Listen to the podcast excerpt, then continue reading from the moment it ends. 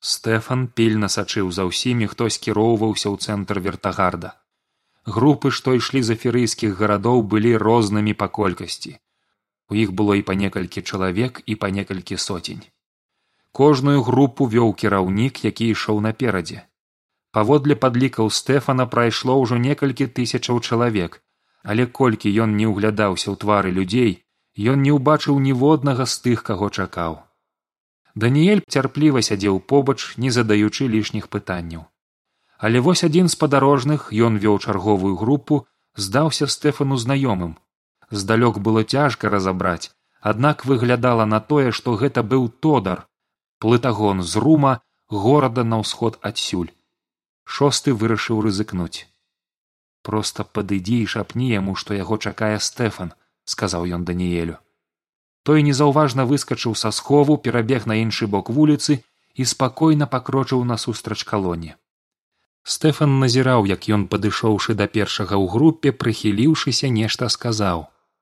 Кіраўнік адразу спыніўся павярнуўся да сваіх паказаў ім рукой кірунак куды ісці далей і пакрочыў услед за даніелем яны набліжаліся і стэфан з палёгкай убачыў што не памыліўся. Гэта быў сапраўды тодар шосты ўзгадаў што яны сустракаліся амаль два гады таму і плытнік казаў што ўвесь горад калі трэба выступіць супраць вормара у падтрымку законнага ўладара. Тодар падышоў да схову і прыгледзеўшыся развёў руки для абдымкаў. Стэфан нарэшце! Яны абняліся і шосты захоўнік расказаў плытніку пра тое што адбылося ў эферыі за апошнія дні а таксама больш падрабязна пра план на заўтра я так разумею вы атрымалі нашае паведамленне казаў стэфан заўтра вырашальны дзень мы плануем што на плошчы будзе сама меней чатыры тысячи паўстанцаў так мы атрымалі ліст але цяжка чуць што ўсе іншыя захоўнікі арыштаваныя і да таго ж ёсць яшчэ дзве праблемы якія падняў бровы стэфан першая з іх я казаў пра тое што мы гатовы выступіць на баку арыстарха але да гэтага часу мы не ведаем што з ім і ці жывы ён увогуле. Зразумей мне не падабаецца ідэя бунту. Аднавіць законнасць вярнуць на пасаду ладара гэта адна справа. А калі проста скінуць вормара дык атрымліваецца пераварот. Наколькі мне вядома запярэчыў стэфан законны ўладар знаходзіцца ў замкавай турме. Увесь гэты час. Мы мусім вызваліць яго і перадаць уладу але нават калі б аказалася што яго ўжо няма сярод жывых то рэч перадусім у тым што сам вормар не ўладар. Яго не выбіралі па спрадвечных законах эферыі ды і ні па якіх законах яго не выбіралі. Ніхто і ніколі. І нашая задача вярнуць людзям права свабодна абіраць сваю будучыню. Вярнуць ім законы справядлівасць. Хіба гэта падобна на беззаконне? Тодар уздыхнуў. Можа і твая праўда я пра гэта не задумваўся. Аднак усё ж я хацеў бы спадзявацца што арыстарх яшчэ жывы. Калі мы не пераможам вормара ў лагеры ад галоднай смерці загінуць тысячы невінаватых людзей не вытрымаў стэфан. Тодар падняў вочы на захоўніка. Ёсць яшчэ адна праблема. На плошчы не будзе той колькасці нашых на якую ты разлічваў. Гэта чаму здзівіўся стэфан. Я так разумею ты не ведаеш адразу пасля лістоў дасланых вамі гарады атрымалі лісты ад вормара з загадам арыштаваць усіх як там было напісана небяспечных грамадзянаў эферыі нам пашанцавала бо я сабраў нашых адразу як атрымаў тваё пасланне і мы пайшлі ў лясы якіх як ты ведаеш вакол рума хапае. Але я не ўпэўнены што гэта паспелі зрабіць у іншых гарадах.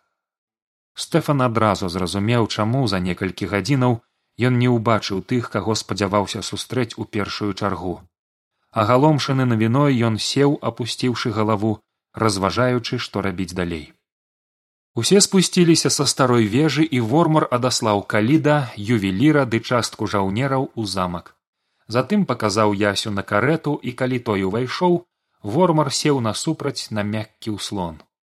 Вочы яго свяціліся трыумфам вось і надышоў час якога я так доўга чакаў сказаў ён.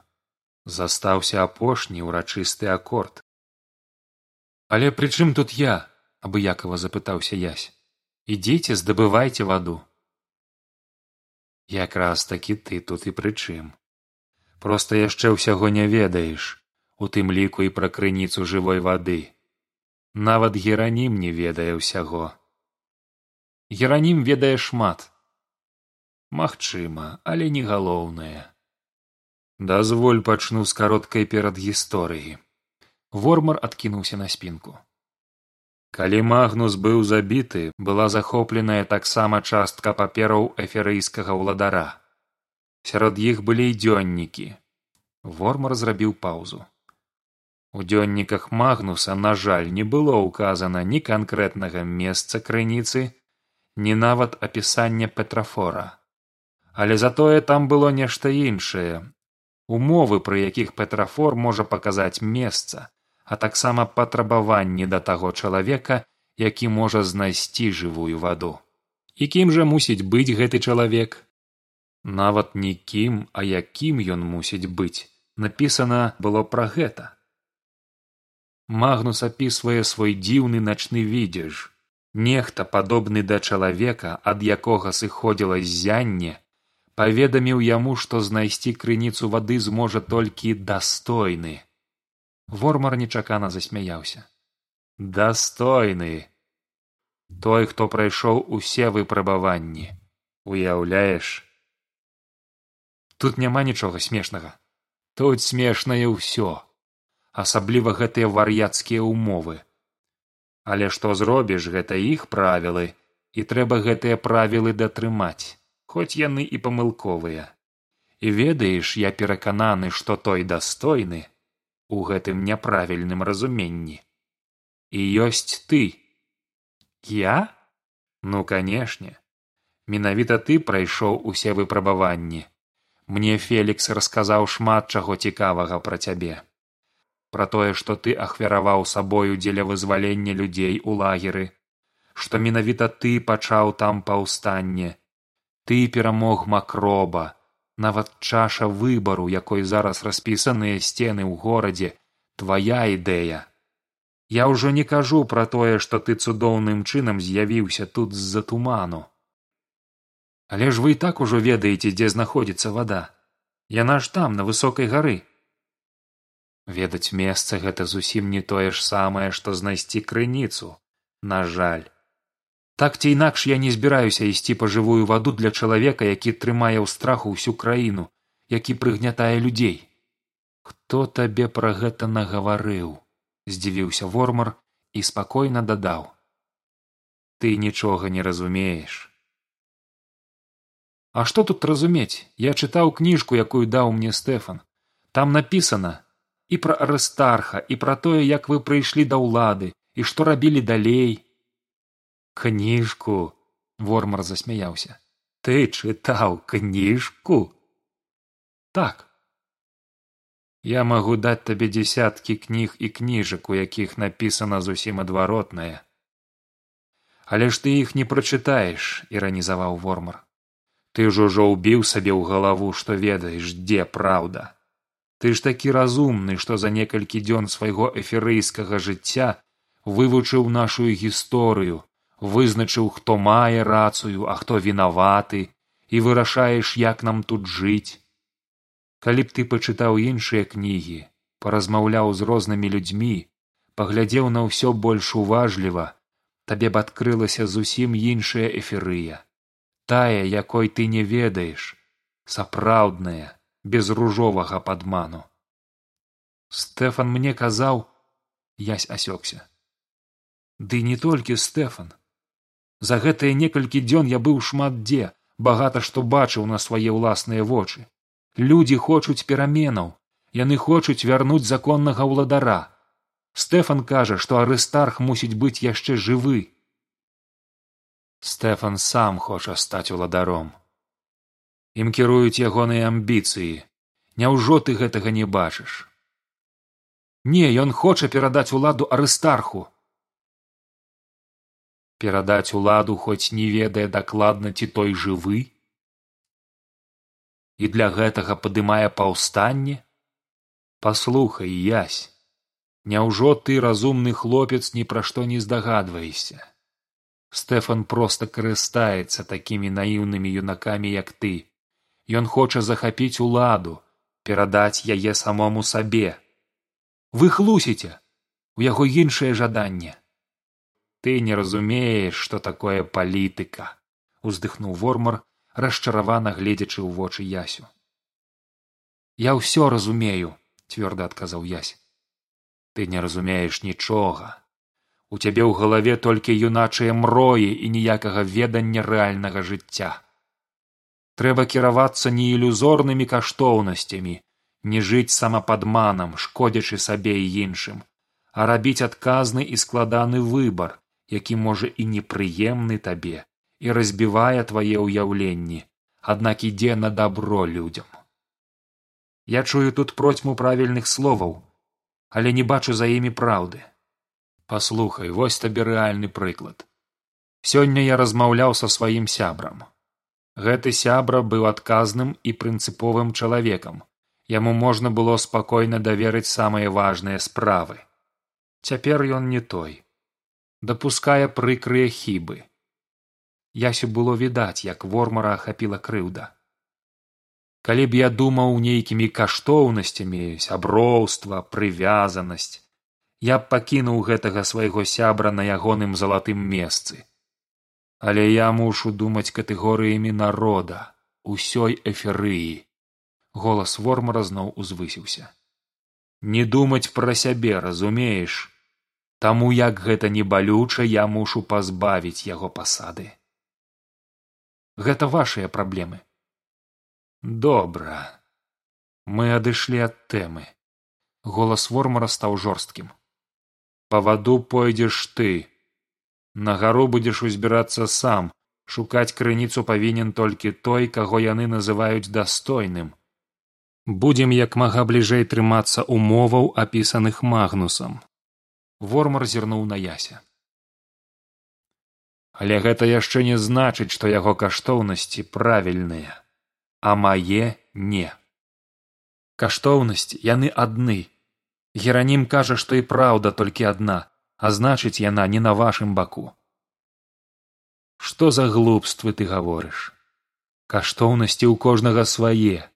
І праўда не можа быць на чыімсьці баку бо яна ў кожнага свая кожны на сваім баку мае сваю праўду уладар нахіліўся да яго.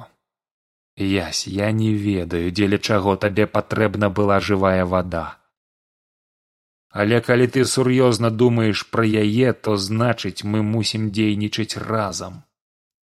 А вам яна навошта? Вормар зноў адкінуўся назад.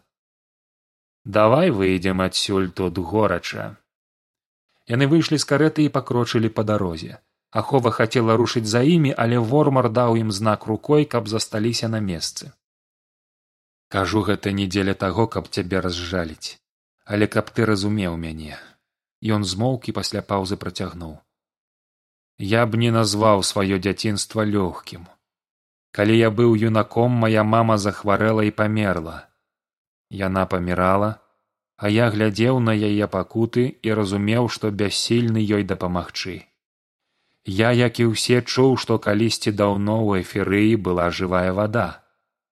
Але якраз тады, калі яна была так патрэбная, яе не было вормар спыніўся мне цяпер столькі ж колькі было маёй маці і я не хачу паміраць не дасягнуўшы старасці ад якой небудзь хваробы мне патрэбнае жыццё ён узняў галаву.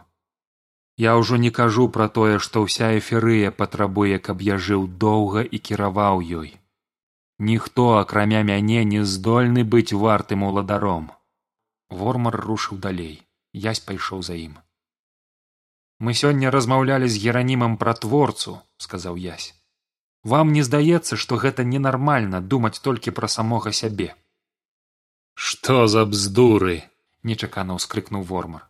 Спачатку гэты творца пазбаўляе дзяцей мамы а потым хоча каб яго называлі добрым і літасцівым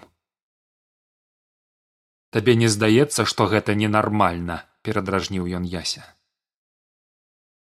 Моя мама таксама памерла некалькі гадоў таму адказаў язь вормар са здзіўленнем паглядзеў на яго.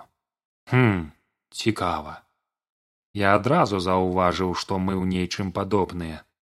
Напрыклад акрамя нас з табой у эферыі няма іншых леўшуноў. Ці вось яшчэ цябе ў гэтай краіне ніхто не чакаў і мяне ў свой час таксама. Ну і ўрэшце нам абодвум патрэбна жывая вада. Вада мне трэба не для сябе сказаў ясь.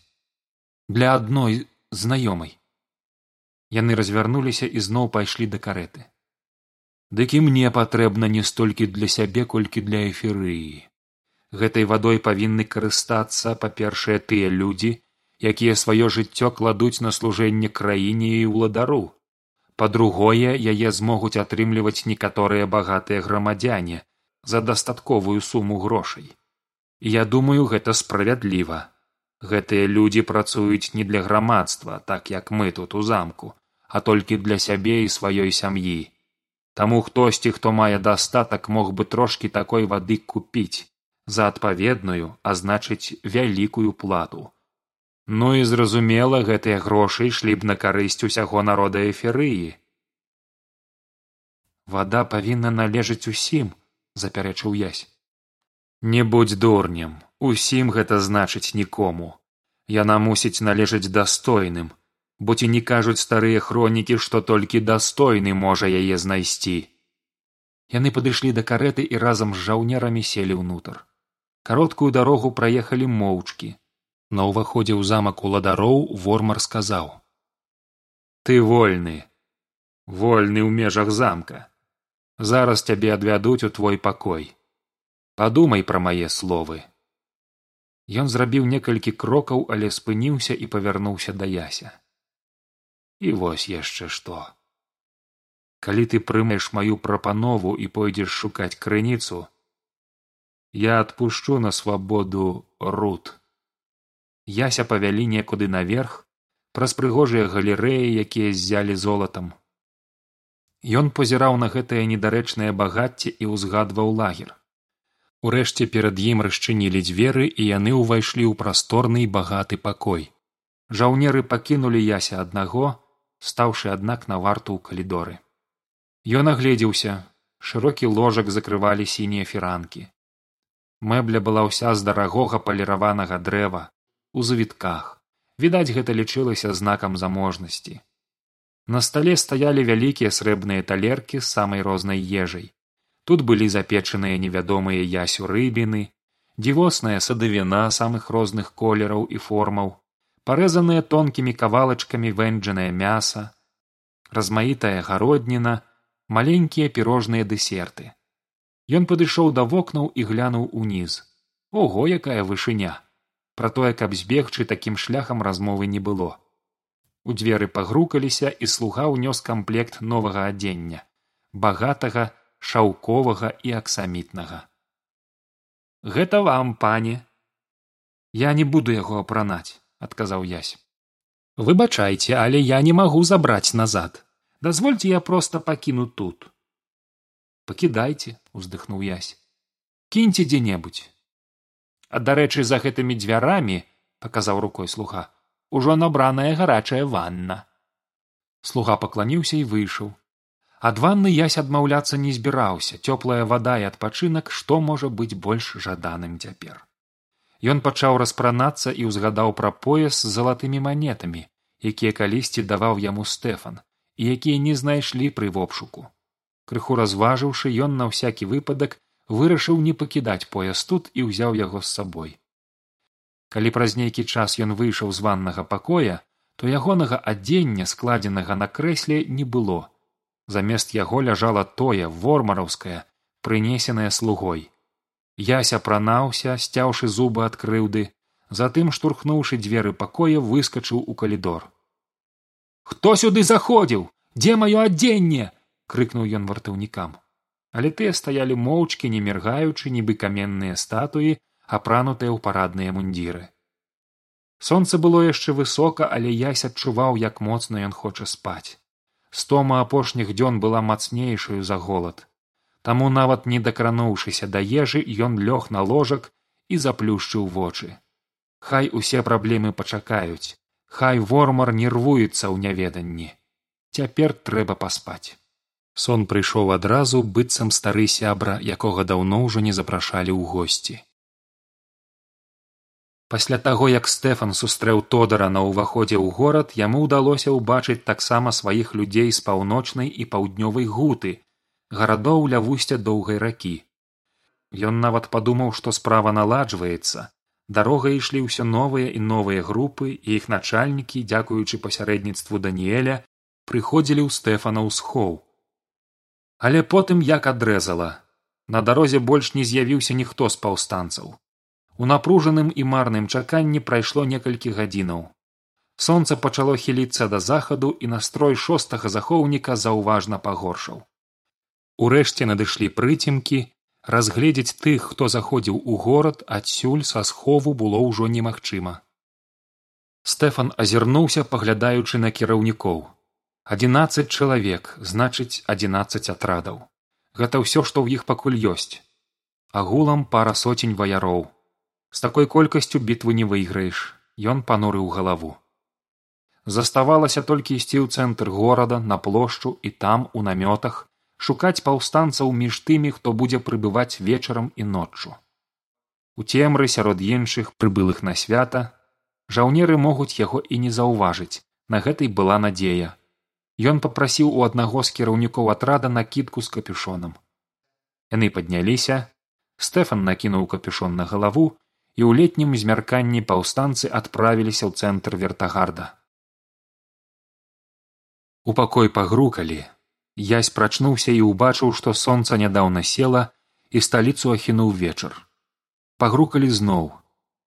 Гэта відаць той слуга што скраў адзенне раздражнёна падумаў ён і ўстаў.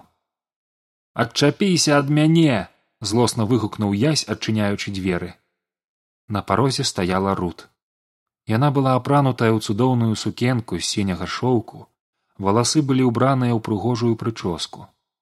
Ён змоўк, не разумеючы, як яна тут апынулася, калі павінна была быць у турме. Прабач гэта не табе, толькі змог вымавіць ён. Ты тут? Мяне выпусцілі, сказалі, што на тэрыторыі замка ў мяне поўная свабода.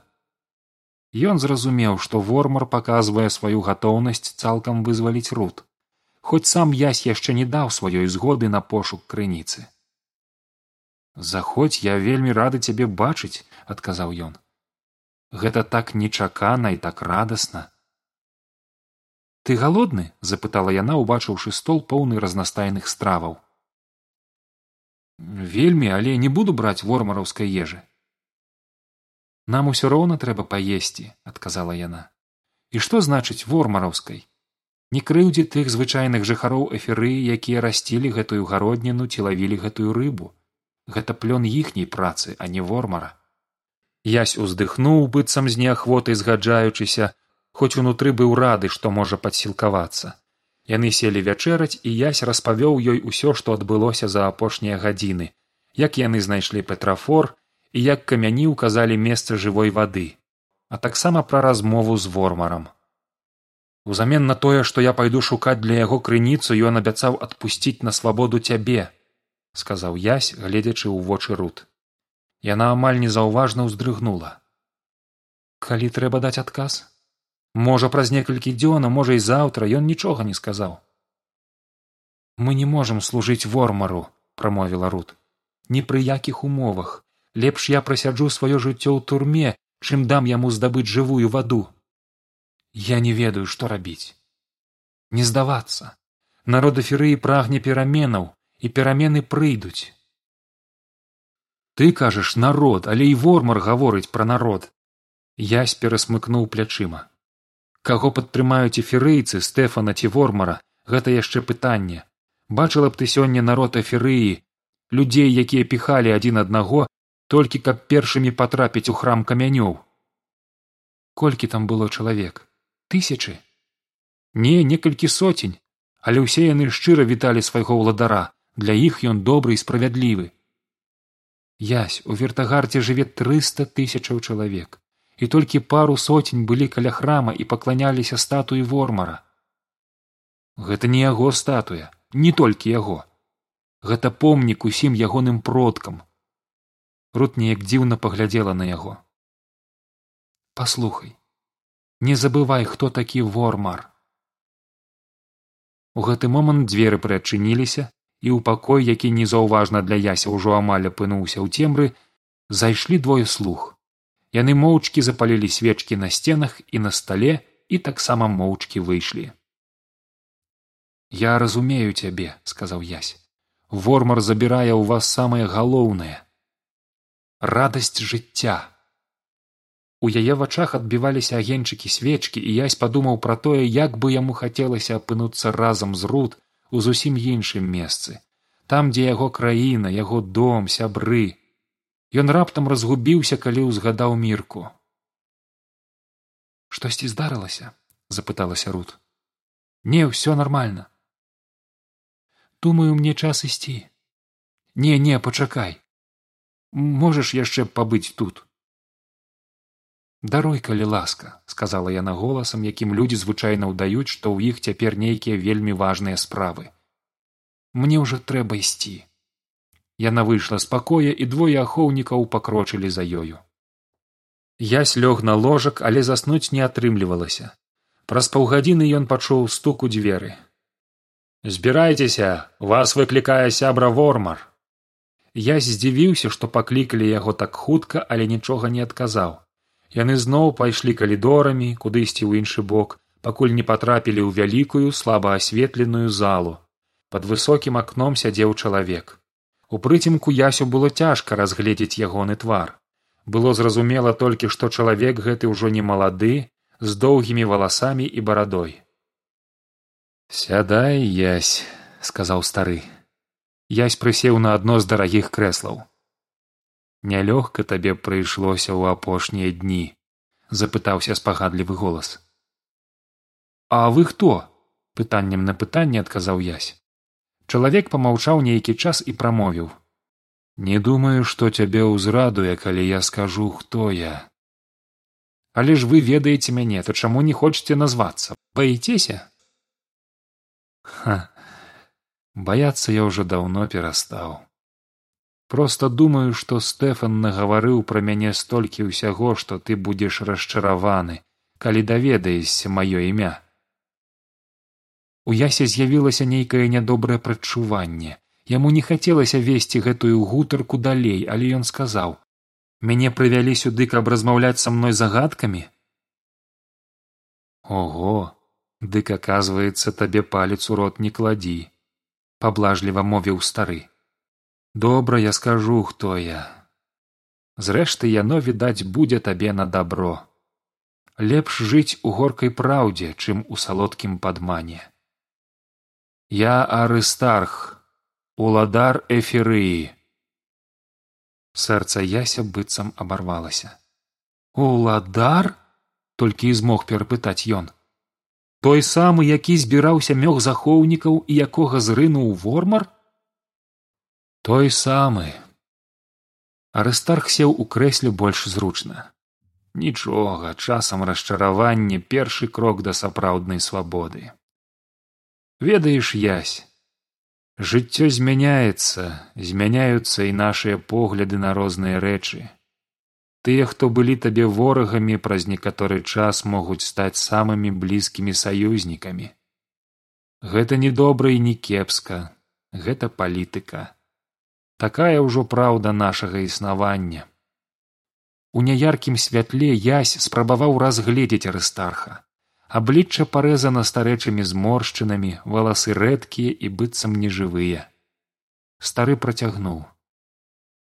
Я думаю што самым правільным будзе паслухацца вормара і пайсці шукаць крыніцу як так не зразумеў язь служыць ворагу па першае гэта не азначае служыць менавіта яму.